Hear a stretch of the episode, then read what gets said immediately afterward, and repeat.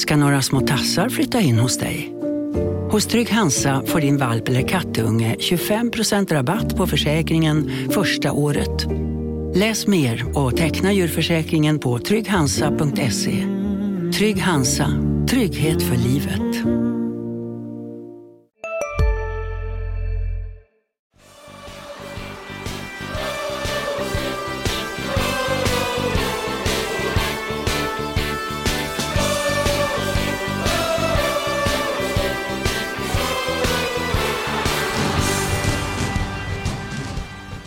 Erik Edmans eh, sportchefsuppdrag, Tobias Seledons flytt till AIK, arenabygget, eh, trendbrottet på planen, provspelaren, mittfältarnas styrkebesked. Det är bara några av punkterna vi har i dagens avsnitt av Landskrona Boys-podden som är tillbaka efter en tids sjukdom. Podden har inte varit sjuk, men eh, deltagarna i den har varit det. Men nu är vi eh, starka igen. Mitt namn är Erik Persson. Ditt namn eh, Sebastian Rönnström är Sebastian Rönnström. Välkommen! Tack! Kul att vara tillbaka och kul att spela in, eh, in podd igen efter, eh, efter uppehåll här. Eh. Ja, det, det har ju onekligen hänt en hel del grejer sen, sen senast. Hörde mig bara på, på den där listan du, du drog. Ja, det finns mycket, det finns mycket att prata om. Ja, jag vill börja med den, den 17 maj på kvällen. Så blev det officiellt att Erik Edman blir ny sportchef för Landskrona Boys. Vi vet ännu inte när, med tanke på att Erik Edman, den förre HF-profilen, eh, är huvudtränare för Hittarp som har gått bra i division 3. De vann ju sin division 3-serie förra året. Gått eh, eh mm, bra i division 2 också, även om det har varit en dipp här nu på slutet. Men frågan är då när han ska lämna uppdraget i Laröd och börja jobba eh, så att det glöder eh, på Landskrona IP. Eh, när den här nyheten eh, eh, kom ut, vad tänkte du då Sebbe? Jag blev förvånad, eh, för det är inget namn som, som jag eh, tänkte liksom på så mycket.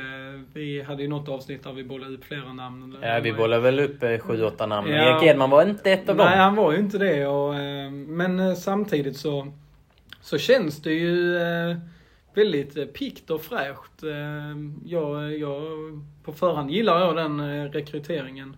Erik Edman har, kan väldigt mycket fotboll. Han är inte bara tränare för Hitta på, han är också TV-expert i, i TV4 och Simor och och, ja, Vilket en... han väl rimligtvis inte lär hinna med nu. Men det, nej, den frågan har vi inte ställt vad jag vet. Nej, men det får, vi, det får vi kolla upp. Men, men nej, han har han har ju en gedigen erfarenhet eh, som spelare givetvis. Eh, med många Premier League-matcher och landslagsmatcher och så här. Och säkert eh, väldigt mycket, jag, jag, jag tycker de gånger jag har pratat med, med Erik Edman då i, i hans egenskap av, av tränare för Hittarp så tycker jag han verkar ha kloka och intressanta idéer kring hur fotboll ska bedrivas. Det är en ny roll för, för honom nu att kliva in här som, som sportchef och ett lite mer så övergripande ansvar. Men eh, Nej, jag, jag, gillar, jag gillar det på förhand. Mm. Ja, vi kan väl konstatera att många blev eh, överraskade, men spännande för det är ju en intressant eh, fotbollsprofil, en intressant fotbollsarbetare som verkligen vet vad han tycker. Jag har lyssnat mycket på hans, de poddarna han har varit med i och han, han eh, Ja, men han vet vad han tycker, eh, är, är frispråkig och tänker inte alltid som alla andra. Eh, däremot tror jag att han tänker väldigt likt eh, ur ja, men, fotbollsfilosofiskt perspektiv. Eh, som Billy Magnusson, Max Mölder exempelvis. Jag tror att de kommer rimma väldigt väl där. Intressant dock om man ska vända på det myntet. Blir den, finns det en dynamik då eh, om, eh, om alla tycker ungefär likadant? Men eh, det ska bli eh, det ska bli oerhört intressant att, att se vad som händer. Och framförallt så behöver ju Boys en sportchef. Ja, det, för att kunna ta nästa kliv eh, behöver också eh, Billy Magnusson och Max Möller liksom frigöras en, en del eh, från, från det stora last de har dragit. Eh, också ej att underskatta här är att Erik Edman är en person som är förankrad i, i närområdet, eh, jobbar redan i det och gjort i många år på, på eh, flera olika sätt. Eh, så han, eh, han har ju rimligtvis järnkoll på de här serierna som, som boys eh, ofta letar och har eh, hittat eh, guldkorn på. Eh, så det, det tror jag också har varit en faktor som har spelat eh, stor roll i, i rekryteringen. Liksom att han, att han är, är aktiv och har, har koll på läget här i, i regionen. Hans eh, starka koppling till rivaliserande HF, de är inte i samma serie längre, men hur tror du Boys har... Tror du Boys rent av har vägt in det? Tror du Erik Edman har vägt in det? Att han, att han har varit i HF i flera år tidigare? Eh, nej, jag, jag vet inte. Alltså, det är klart att den, den faktorn alltid finns där, men jag tror det är en sån grej som kanske mer ur ett supporterperspektiv man i så fall hänger upp sig på. Jag tror inte att, att det är någonting som, som man från Boys ledning har brytt sig jättemycket om. Utan man ser, eh, ser väl Erik Edman här och nu som en eh, succétränare i, i Hittarp med väldigt kloka fotbollskunskaper och att det är det man har varit ute efter i, i första hand. Men, eh, men visst, det är ju ett, ett perspektiv på det hela givetvis, att han har en lång bakgrund i HF. Eh, jag frågade honom i, i, när jag intervjuade honom till eh, till vår HIF-podd då om, om HIF hade hört av sig. Ja, det gjorde du för ett par månader sedan. Ja, det var i, väl i januari tror jag då när HIF skulle möta Hittarp. Ja, det var fler än ett par månader sedan. Ja, precis. Men, eh, men då, då sa han liksom det att det, det har inte varit liksom på, på tapeten där. Och kan jag tycka är kanske lite märkligt att det inte har, har varit eh, just sett ur HFs perspektiv. Men jag, jag tror inte det har haft haft jättemycket. Och, alltså den, den kopplingen har nog inte spelat någon roll i den här rekryteringen. Ett annat perspektiv är att eh, Landskrona Boys Hittarpskoloni bara växer. Eh, Hittarp har ju blivit av, det har ju blivit något av en plantskola. Dels för spelare men även eh, andra eh, aktörer utanför planen höll jag på att säga. Men eh, Kristoffer eh, Andersson har blivit tränare i Falkenberg. Fredrik Elström har, har eh, blivit klar för HIFs organisation eh, och nu eh, Edman till eh, Boys. Och i Boys sedan tidigare så finns ju Viktor Wihlstrand, exempelvis, eh, Max Mölder som har tränat Hittarp, eh, Mattias Hallberg på media och kommunikationsavdelningen, Somar Almadjed och Niklas Nielsen som spelar Boys tidigare har, har varit eh, i Hittarp. Och det stärker väl bara bilden av att, att ehm, ja men, är man på typ division 2-nivå så kan det vara en trampolin till något högre, till något bättre, till, till elitscenen. Ja, så är det ju och... Eh... Erik Edman har ju minst sagt varit på elitscenen tidigare, så det är inget ja. dåligt som man säger så, men du förstår vad jag menar. Ja, ja men absolut. För... Eh, och det, alltså Hittarp har ju i många år, men som du säger, blivit den här plantskolan. Har varit eh, välskött eh, på många sätt. Så... Eh, Ja, Michel Ekberg, Boys klubbchef också, har ju varit i Hittarp i en herrans massa, massa år. Så att, och som du är inne på, att, att uh, Hittarp har ju varit en välskött klubb. Det är precis det Boys uh, strävar efter. Uh, och, ja, men, och få in lite Hittarpsanda mm. kan man väl faktiskt uh, säga. Uh, men du var inne på det, Edman har koll på uh, småklubbsfotbollen. Division 2 har han varit i nu, division 3 tidigare. Och koll på regionen och sånt. Finns det någon spelare eh, Eh, som du tror att han vill få med sig från kanske Hittarp eller någon annan från, eh, från något annat lag på den nivån? Eh, som skulle kunna vara aktuell för boys om vi nu får spekulera lite och det får vi. Usch, ja det är en, en rolig fråga att få. Eh, ja men alltså eh, Mattias Hallberg då pratar ju bland annat i Landskrona Boys-podden här i, var väl i Höstas. Höstas. ja. Att han hade försökt eh, få eh, vänsterbacken Robin Wendin Thomasson, eh, att, att Billy Magnusson och Max Möller skulle kika på honom. Eh, och sen eh, har ju en sån som Oliver Åkerman gjort väldigt många mål. Eh, Tio mål på åtta matcher. Ja, och öste in mål. Jag har väl gjort det de andra säsongerna också när de varit i, i trean. Eh, sen huruvida det, alltså steget upp till superettan där eh, är ju svårt att avgöra liksom hur de skulle stå sig på den nivån. Men det är väl två exempel på, på spelare som har gjort det bra i, i Hittarp. Robin Wendin Thomasson hade ju faktiskt eh, erbjudanden eller ja, folk som hörde av sig från klubbar högre upp i, i systemet berättade han i en intervju med oss här för, inför eh, Hittarps seriestart. Så eh, Ja, det är väl, eh, ja, ska, jag, ska jag nämna några namn som, eh, som du bad mig göra så, så nämner jag dem. Ja, men två fina namn. Um, Tobias Eledon. Han har också gjort det bra utanför eh, planen som akademichef eh, för Boys. Um, och nu så ska han flytta hem till Stockholm för att bli utvecklingschef i AIK. Eh, spontan reaktion Det var ju vår kollega Gabriel Olsson som avslöjade detta. Ehm, spontan reaktion när du såg detta hända? Också intressant för vi pratar om det här Hittarp som en plantskola. Det här är ju också en form av ett resultat av att man som klubb tagit steg. Att Boys inte bara har slussat spelare vidare till allsvenska klubbar utan nu också kan, ja men personer i organisationen kan ta nästa kliv. Att, att det går att utvecklas eh, i Boys även liksom utanför de kritade linjerna. Eh, och det är ju detta ett tydligt exempel på eh, med Tobias Eledon som nu får chansen i, i en allsvensk storklubb, en av de, de största i, i Sverige. Och får en, en bärande roll i deras eh, akademi. Och det är väl fyra tränare tror jag som har lämnat Boys för Malmö FFs Eh, verksamhet också på eh, dam och flicksidan och på, på pojksidan U19 och U17 nivå tror jag. Så ett ytterligare exempel där. Eh, att eh, Boys, eh, ja, börjar bli en eh, bra plattform att stå på eh, för att sen klättra vidare. Vi har pratat med Tobias Eledon, eller jag har pratat med Tobias Eledon i ungefär 10 minuter och vi tänkte att vi, vi Eh, bjuder er på, på den intervjun nu. Min första fråga var hur händelseförloppet har sett ut här. Eh, från att eh, AIK ringde och eh, till att det blev klart att han lämnar Landskrona Boys för AIK där han tillträder sin tjänst den 1 augusti. Så här eh, svarar Tobias Seledon på det. Det har varit en väldigt snabb process.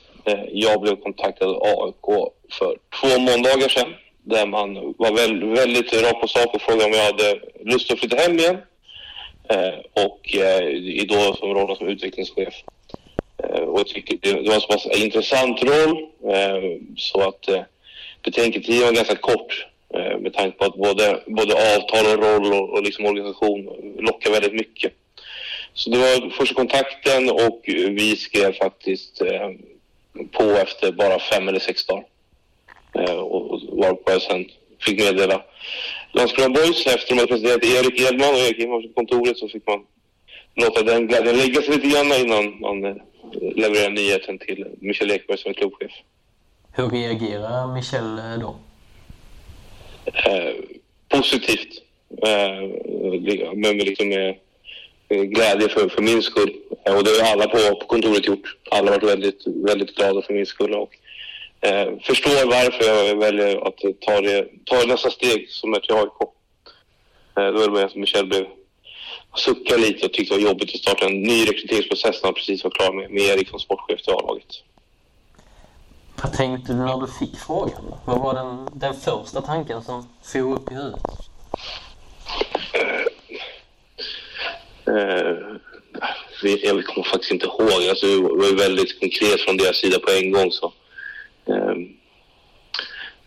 Uh, faktiskt vad första tanken var. Glad såklart eh, att man eh, att någon har sett eh, vilket jobb man har gjort i Landskrona. Eh, att man tycker att det jobbet är så pass eh, bra att man blir erbjuden ett, ett, ett jobb i en av Sveriges största klubbar. Eh, det skulle jag tro var min spontana tanke var där och då. Hur lång tid tog det innan du verkligen liksom bestämde dig? Jo, det är lätt att säga att man bestämmer sig direkt. Gjorde du verkligen det? Nej, men i princip efter att ha fått avtalet och rollbeskrivningen och, och sen liksom diskuterat med, med några vänner som ändå jobbar inom fotboll och liksom på, i näringslivet så, så gick det ganska snabbt. Så vi behövde en, en tre, fyra dagar. Det var, det var inte mer än så. Har, du haft någon tanke på att lämna Boys och, och flytta hem till Stockholm? Nej, alltså jag har ju tackat nej till en annan Stockholmsklubb förra året. Eh, jag tyckte att den rollen inte alls var lika intressant. Vad var det för, eh, det, vad, vad, var det för roll? Det, det var i, i Hammarby, alltså en, en, en utvecklingsroll där också. Men jag kände där och då när Boys speciellt gått upp i Superettan och jag tyckte vi hade mycket kvar att göra. Eh, liksom, I vår utvecklingsresa så kände jag att det var helt fel läge att, flytta på mig. Eh, men nu den här rollen kom, det, det är faktiskt en drömroll eh, som jag verkligen vill ha. Eh, och det är en så pass intressant klubb så att svårt att, att liksom tacka nej när, när den frågan väl kom. För de som inte har koll på vad utvecklingschef eh, innebär, kan berätta vad, vad, vad blir dina arbetsuppgifter här nu? Det främst är att se till att, eh, att det, det, som klubben har kommit överens om i utbildningsväg genomförs av tränarna. Men även att hjälpa tränarna att bli bättre som fotbollstränare. Samt intern bevakning av spelare. Så att vil, vilka spelare är det klubben tror på eh, och ge dem så, så, bra förutsättningar som möjligt att, eh, att lyckas som fotbollsspelare. Och, och samtidigt liksom att, att få fler att lyckas som fotbollsspelare också. Att det, alla kommer inte nå AIKs A-lag men man ska ändå få ut dem i, i andra elitklubbar i Superettan och Allsvenskan, kanske utomlands. Eh, det är väl det som är liksom min primära uppgift. Eh, sen blir det en del eh, liksom, kontakt med, med agenter och andra i, i föreningen och så vidare såklart också. Men att utveckla verksamheten sportsligt, det är liksom huvudfokus. Varför lockar just AIK som klubb? Som jag sa innan, AIK tillsammans med Malmö är nog Sveriges två största klubbar. Det är en välskött eh, förening det, det är liksom en väldigt bra akademiverksamhet som har kommit långt. Eh, om man har tydliga liksom, arbetssätt, hur man vill göra, man har tydliga visioner, hur man, hur man vill bedriva fotbollsverksamhet men även driva klubben och liksom klubbens roll i samhället, i, liksom i norra Stockholm. Um, så det är liksom att det, det, är några steg upp på fotbolls, i fotbollshierarkin uh, som gör att det, att det lockar verkligen. Du kommer som sagt från Stockholm. Hur ser dina kopplingar till AIK ut eh, sen tidigare? Känner mycket, mycket personal i, i klubben såklart. Man, liksom, många har gjort samma resa, man har gått på utbildning tillsammans. Man har coachat mot AIK och sen Peter Wennberg varit förbundskapten på ungdomslandslag, besökt oss här nere nu som, och Peter är teknisk direktör. Eh, så man har haft mycket kontakt med, med personal och, och personer runt omkring AIK sen tidigare. Eh, så att man, man har ju ganska bra koll på föreningen och det var det som gjorde också att det var, det var lätt att ta ett beslut när väl frågan kom också att, att vända hem till Stockholm och, och, och ta tjänsten. Du är uppvuxen på blåa linjen. Har du, har du sneglat åt AIK-hållet eh, som, som barn, som ungdom eh, och, och även i vuxen ålder? Nej, inte, inte mer att jag och gamla sportchefen Leif Karlsson satt i ett möte 2017 och diskutera en roll i AIK. Men, men vi landade inte någonting då. Eh, men mer än så har, har jag inte haft. Liksom, men samtidigt vet jag mycket, många av mina vänner liksom håller på AIK. Man vet hur mycket AIK betyder ute på, på blåa linjen. Um, så det är klart man förstår liksom, inverkan klubben har där ute. Under din tid som akademichef i Boys, vad har eh, hänt? Det är en stor fråga såklart, men kan, kan, du, kan du berätta lite om det utvecklingen som, som du har varit med och, och fört fram? Alltså ser vi på ett större plan så har vi haft eh, så vi har kostnadskontroll på, på ungdomsverksamheten. Det hade, hade man inte förut. Alltså man, eh, på, på ett helt annat sätt. Liksom kostnadskontroll, vi har medlemsavgifter som betalas. Eh, de bitarna. Eh, vi, eh, vi har utvecklat vårt samarbete med gymnasiet, eh, vilket, eh, vilket jag är jättenöjd över. Eh, vi har vuxit på pojksidan. Vi har en flickverksamhet eh, som vi inte haft tidigare. Eh, så liksom sju, sex eller sju samhällsklubbar. Så Boys rykte var ganska dåligt bland klubbarna i närområdet när vi startade. Nu har vi ändå sex, sju klubbar som liksom, där vi är ute och tränar deras spelare. Liksom de, de är nöjda med samarbetet som finns och vi försöker ge så mycket vi kan utifrån våra resurser. Eh, det är väl egentligen ett, ett, ett axplock av, av det jag gjort. Men jag tror liksom att vi har en flickverksamhet nu och att liksom vi har ett bra samarbete med Öresundsgymnasiet på nio. Det är jag mest nöjd med tillsammans med att vi har en ekonomi i balans. Vad behöver Boys för typ av akademichef nu när du lämnar ett tomrum efter dig? Jag tror att man behöver någon som är eh, lite visionär och kan eh, bygga vidare på den plattform som nu finns. Jag tror det är viktigt med någon som är förankrad i närområdet. För det är inte... Det, det, det, är en, säga, det, det är inte en förvaltning som krävs just nu utan det finns en grund att stå på, att bygga vidare på. Så att det är någon som är duktig på utveckling, utveckling av, av föreningen och bra kontaktnät i närområdet. Det är vad jag tror är, är viktigt för nästa steg. Sista frågan. Du som har järnkoll på, på allt som rör sig i akademin och framtidens A-lagsspelare och sånt. Kan du peka ut något? Kan du ge oss något namn på någon, någon spelare eh, på pojksidan som, som man bör hålla extra ögon på som kanske kan dyka upp i boys A-lag i framtiden? Det, finns ett par namn, eh, absolut. Eh, vi har ju Sam Hegdahl som är uppe och tränar mycket med A-laget så kanske inte han ska räkna, men jag tycker vi har en intressant spelare i, i Christian Stark för 06. Tycker jag ser jätteintressant ut och även en 07 som heter Edvin Dedovic som eh, precis blivit uppflyttad i, P17-laget. Och sen de yngre åldrarna så kommer det ganska många spelare. Om vi säger 07 yngre så finns potential hos många där. Eh, men lite, lite för det att säga, men tycker den, den utbildning vi erbjuder och liksom la om vår utbildningsplan för några år sedan börjar ge frukt. Man börjar se att det finns fler spelare som, är, som kan vara aktuella för A-laget än vad det var för, för fyra år sedan när jag började. Då var det ganska tunt. Det, det tycker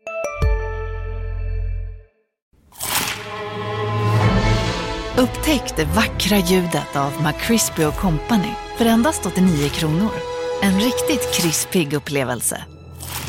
För ett ännu godare McDonalds. Hej, Synoptik här. Visste du att solens UV-strålar kan vara skadliga och åldra dina ögon i förtid? Kom in till oss så hjälper vi dig att hitta rätt solglasögon som skyddar dina ögon. Välkommen till Synoptik. In där i dagsläget. Jag tycker de som ligger långt fram och de som inte riktigt kanske är så kända, så Christian Stark och eh, Edvin Delby som tycker ser, ser, ser väldigt intressant ut. Men de har, de har lång väg kvar att göra såklart. De är 15-16 år bara. Det är mycket som ska falla på plats. Men hoppas de inte tycker att det lägger för mycket press på dem. Underbart. Stort tack Tobias. Tack Erik. En annan stor nyhet i Boysland är att Landskrona IP ska renoveras. Eh, det har ju varit snack om det länge. Boys har velat eh, få till en förändring, en förbättring. Eh, nu, så, eh, nu så ska det ske. Det ska det. Eh, och det är ju en eh, del i ett stort projekt som Landskrona stad har tagit fram här. Och ja, till stora delar bygga om hela idrottsområdet.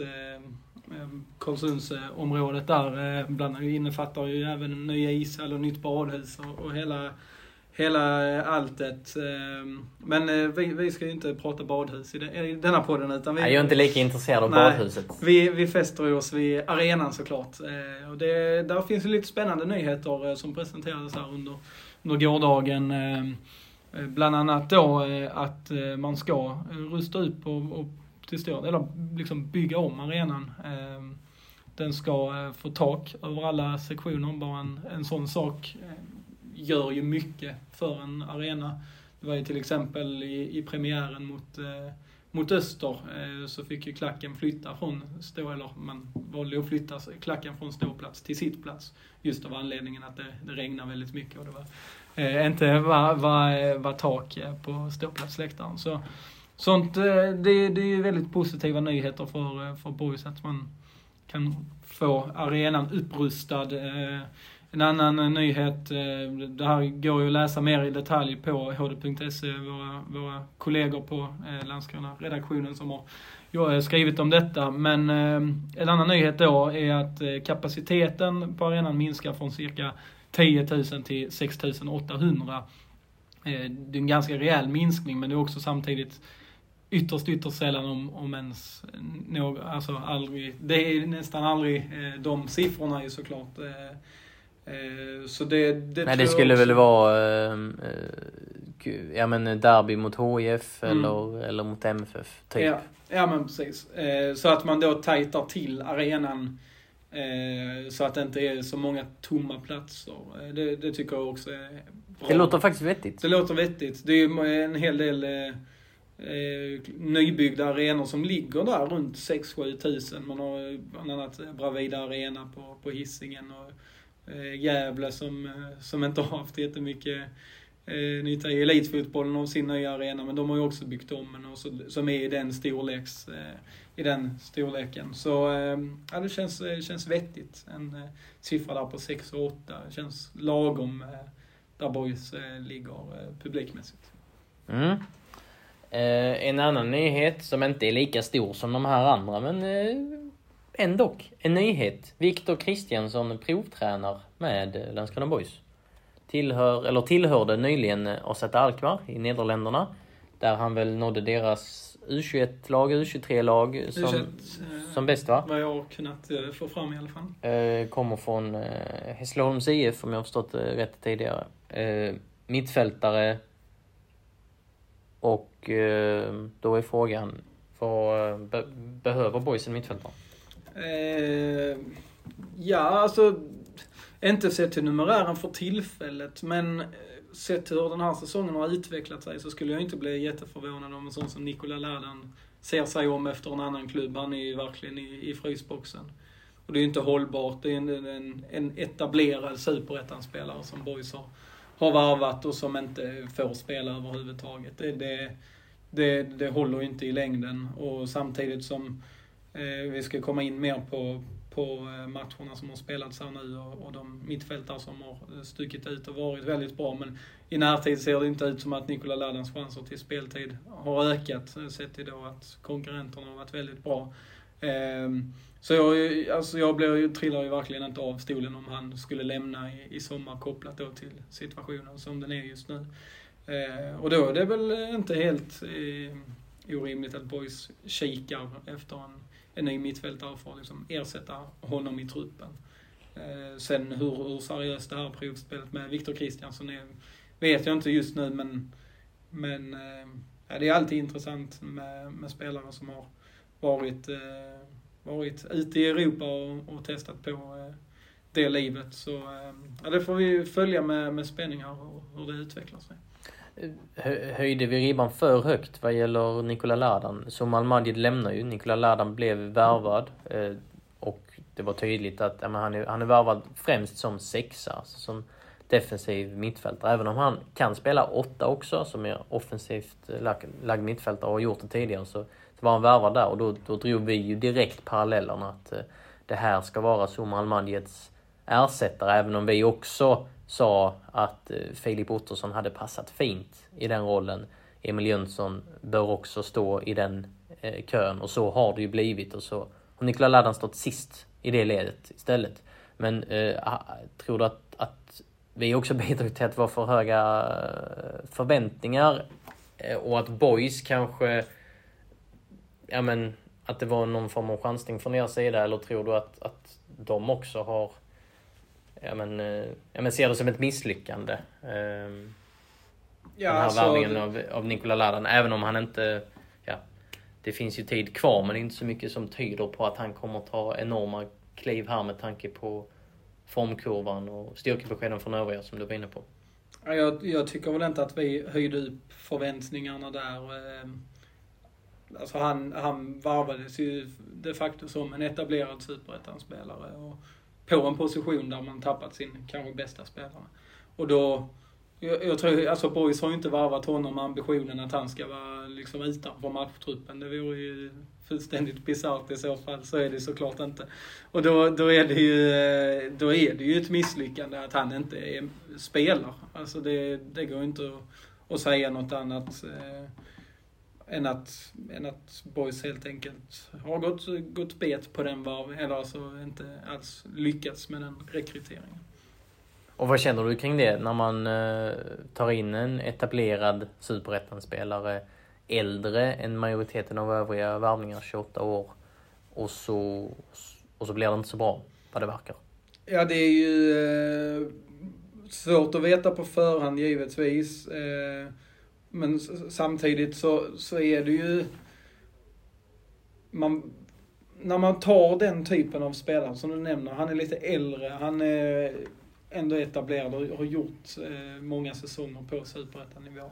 Det finns ju en, en större fallhöjd där än vad det finns på till exempel Osmani Diawara. Man, man kanske kan leva med att han inte eh, har blixtrat till och, och slagit igenom än. Och där finns mer tid att, att jobba med i det fallet. Men just när det gäller Nikola Ladan så, så är det ju som jag sa, det är, det är ju ett misslyckande. Sen så kan man inte träffa rätt med alla varvningar.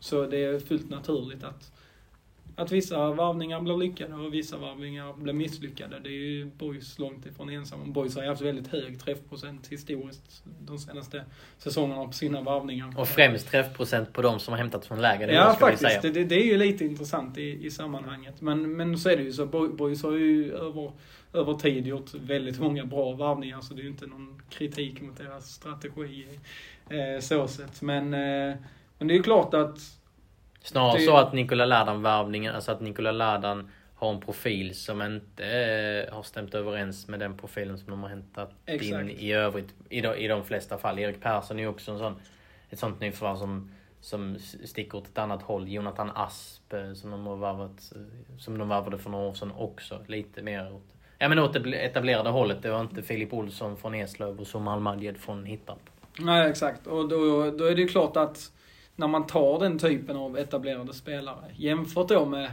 Jesper Strid eller Osmani Diawara, då, då sätter man också högre krav på en sån spelare. Och det, det ska man göra och det, det måste man göra. Och, och det, det behöver mynna ut i något, mm, kanske mer än vad de här spelarna från lägre nivå gör. För där, där har man råd att kanske gå på någon nit. Alltså tar man in tre sådana spelare och en gör succé, då, då har man ändå liksom lyckats väldigt bra. Men, eh, men eh, nej, det... Samtidigt har ju inte boys, alltså sett till de här senaste matcherna har de inte stått och fallit med att man misslyckats med Nikola Ladan för där är andra mittfältare som har gjort det väldigt bra. Filip Ottosson då till exempel som har vuxit ut och, och, och fyllt den här rollen på ett bra sätt. Så det är inte det att man har lidit jättemycket nu. Det är kanske i början av säsongen när det såg knackigt ut, och saknar man Zuma Almadiet på planen. Men nu, nu har det ändå börjat, de andra har vuxit till sig här under säsongens gång. Mm. Vi, vi ska komma in på det, för eh, sen förra avsnittet så har Borg spelat tre matcher. 3-3 mot eh, Brommapojkarna, eh, 2-2 mot Utsikten och 1-1 mot topplaget eh, Brage. Och Sen det här formationsskiftet som ju Boys gjorde eh, inför eh, matchen den 25 april mot Örgryte så har det blivit två segrar och fyra oavgjorda matcher. Eh, det blev ju en drömhalvlek mot ÖIS, eh, inte sett ur ett presta prestationsperspektiv tycker jag, utan eh, sett till utdelningen. Där de ledde med 3-0 i halvtid och sen så balanserade de på en skör lina för att ro hem den här trepoängaren. Norrby-matchen eh, var ju i, ärlighet, i ärlighetens namn inte bra, eh, även om det blev bättre efter paus. Sen så har jag börjat känna igen eh, boys eh, igen. J Södra fanns det goda tendenser. Jag tycker de kontrollerar mycket i andra halvlek. Och sen BP-matchen var ju jättebra. Alltså, då snackar vi väl en av de bästa prestationerna på, ja men kanske till och med sen Billy Magnusson och Max Möller tog över. Eh, och Brage total dominans i första halvlek. Men eh, inte så många trepoängare då. Eh, men det jag fastnar vid eh, liksom som en som en av nycklarna, det är, det är att mittfältet har fått eh, högre utgångspositioner. Laget i sig har blivit mer aggressivt. Fyllt på mer i boxen och så vidare när de har haft boll. Och, och eh, Adam Egnell är, är ju liksom någon, någon sorts symbol för det. Han har fått utdelning. Filip Ottosson har haft några underbara aktioner och någon assist. Och, och även han har kommit högre upp i banan. Och Melker Heijer, eh, ja vi kräver ju mer av honom för vi tror väldigt mycket om honom. Eh, men han har ju så sakteliga börjat komma igång eh, också. De här tre ska man ha höga krav på. För Melker Heijer är en av de största framtidslöftena som har kommit fram på senare år. Filip Ottosson har varit eh, som klippt och skuren för Boys-modellen sedan dag ett. Och Adam Egnell är ju faktiskt Boys första köp från en annan klubb på, på flera år. Och nu kliver de fram. Mm, jätteviktigt eh, och de har verkligen varit eh, jättebra. Filip Ottossons, eh, han var jättebra i andra halvlek också, men första halvlek framförallt nu mot Brage var ju fantastisk. Femstjärnig. Eh, så att, att de tre, det är som du säger, det är liksom synonymt med själva eh, lyftet eh, prestationsmässigt, att, att mittfältarna har, har klivit fram. Eh, samtidigt, eh, ja, sett till den eh, riktigt svaga inledningen så är det ju de här två segrar och, och fyra eh, kryss på de sex senaste matcherna. Det är ju betydligt bättre, men samtidigt så de behöver också få med sig fler trepoängare om man ska kunna lyfta i tabellen. För just nu står de lite och stampar. De gör väldigt många bra prestationer, men det, att bara få med sig en poäng mot BP, få med sig en poäng mot Brage, där skulle de behövt tre poäng och de skulle haft tre poäng i de eh, matcherna. Det, det är det som är minuset eh, i det här, att, att de inte har fått, fått eh, riktig resultatmässig utdelning för prestationerna de har gjort. Mm, sen har det varit eh, vissa spelare i, i de bakre leden som inte eh, alltid har haft sina bästa dagar. Mot Utsikten eh, exempelvis. Och Willy Magnusson har ju pratat om det. Om just det faktum att de släpper in... Eh, att de har släppt in många mål. De har gjort många mål, men de har släppt in många mål. Eh, är, det, eh, är det en effekt av formationsskiftet? Eh, eh, och då har han väl nämnt att ja, men, det finns vissa, vissa ytor där vi kanske blir mer sårbara. Men eh, han eh, hävdade också, eller tyckte att eh, många av, av de insläppta målen har berott på individu individuella misstag och så har det ju varit också. Men det har varit öppna spjäll åt bägge håll, mm. så på så sätt har det ju inte varit kontrollerat. Nej, så har det ju inte. Och det, det är som du säger, vissa ytor där, jag tycker i ytterzonerna där mellan eh, Wingback och... Wingback och, och ja, de som spelar längst ut i, mm. i trebackslinjen. Där, där har Boys varit sårbart. Och som du också eh, säger där, en del individuella misstag. Filip Andersson som mot Utsikten till exempel. Även om nu bollen var ute så, så får han inte komma förbi så, så enkelt här ute på kanten. Så, ja, det, där, där behöver eh, man ju höja sig eh, försvarsmässigt, absolut. Mm. Erik Hedenqvist eh, blir utvisad nu orsakar en straff som gav 1 till, till Brage. Han har fått eh, fem gula kort och in i det då ett rött kort på, på, på ett fåtal matcher i, eh, i Superettan. Vi har ju berömt Erik Hedenqvist mycket. Men i de här situationerna syns det kanske att han är lite ny på den här nivån. Sen kan man diskutera domslut hit och dit också men Eh, ibland har han ju varit ett steg efter och förtjänat det där gula kortet. Ja, li lite opolerad, men eh, jag tycker ändå överlag så man, man ser ju eh, de positiva tendenserna. Man ser att det är en spelare som, som nu kan fortsätta ta kliv och, och göra det bra i, i boys. Men där finns absolut skönhetsfläckar som behöver tvättas bort. Men samtidigt så har jag stor för, förhoppning om att han kan kan växa ut och, och bli en, en nyttig QG i det här laget. Ja, i den officiella statistik, statistiken så står det ju tre gula kort och ett rött kort. Men i och med han fick ju två, två gula, så att, Precis. fem gula eh, så sett. Um, är det någon annan spelare som har ja, för, som gjort intryck på dig? Eller avtryck, eller vad, uh, vad man säger? Ja, men jag, jag, tycker ändå vi kan eh, stanna lite vid Robin Sabic. Eh, som, som ju inte riktigt här i inledningen av serien har kommit upp i den nivån jag trodde att han skulle eh, vara på. Jag såg honom som, en, ja men kanske till och med bättre än, än Kevin Jensen på många, många sätt. Men den nivån har han inte eh, hållit hittills. Eh, jag tycker första halvlek mot Brage nog är det bästa han har presterat hittills i, i boyströjan. Sen blev det, blev det lite sämre efter paus, men... Ehm, um, men han... Eh, kan, kan man få igång honom mer?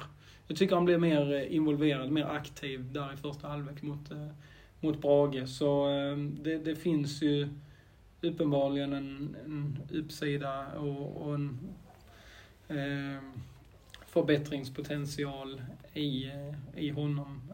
Det, det är också en spelare som jag tror att Boys behövde ju också en, en varvning liksom från ett superettanlag. Eh, som behöver steppa upp eh, lite. Och, men så, som ändå börjar göra det i, i små steg i alla fall.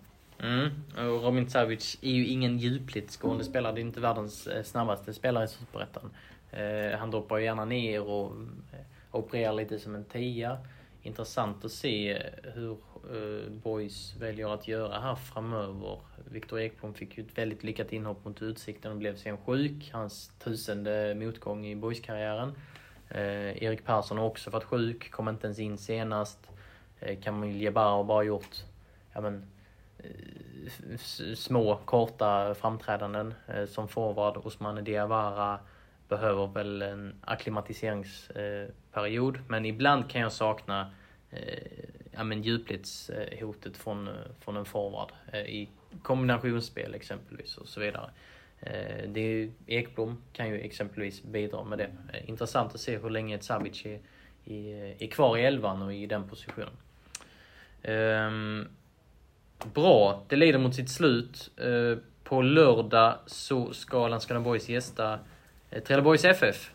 Avspark 13.00 på Vångavallen och du kommer att sitta där på pressläktaren. Det kommer jag att göra. Eh, intressant match eh, på många sätt. Eh, det är den eh, sista här innan, eh, innan uppehållet så ehm, Ja, spännande att se om Boys kan, eh, kan avsluta snyggt här också och ta med sig en överlag, även om då som sagt eh, det inte har blivit jättemånga trepoängare här så om de ändå kan, kan bygga vidare på den, det formbeskedet de ändå börjar visa här och, och ta med sig det in, in till uppehållet. Och sen så startar det väl om eh, någon gång där efter midsommar är det väl. Eh, 27 juni eh, mot Örebro. Precis. Så, eh, nej.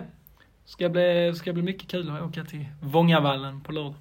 Trelleborg är, eh, är också ett lag som har bjudit på öppna spel. De har gjort 15 mål, släppt in 14 och tagit 14 poäng. Eh, boys har tagit 10 och har 14-17 i målskillnad. Med de orden så stänger vi dagens butik. Så får ni ladda upp inför eh, derbyt på lördag helt enkelt och så eh, eh kika in på hd.se och se vad vi rapporterar om helt enkelt. Tack!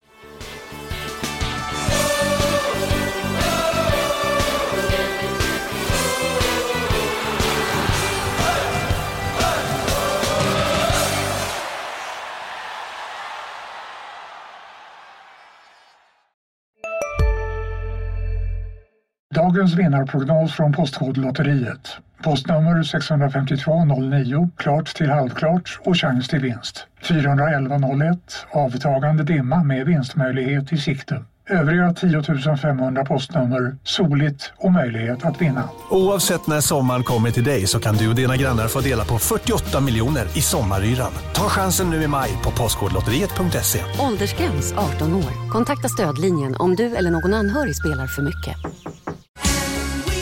Just nu till alla hemmafixare som gillar julast låga priser. En slangvinda från Gardena på 20 meter för vattentäta 499 kronor. Inget kan stoppa dig nu.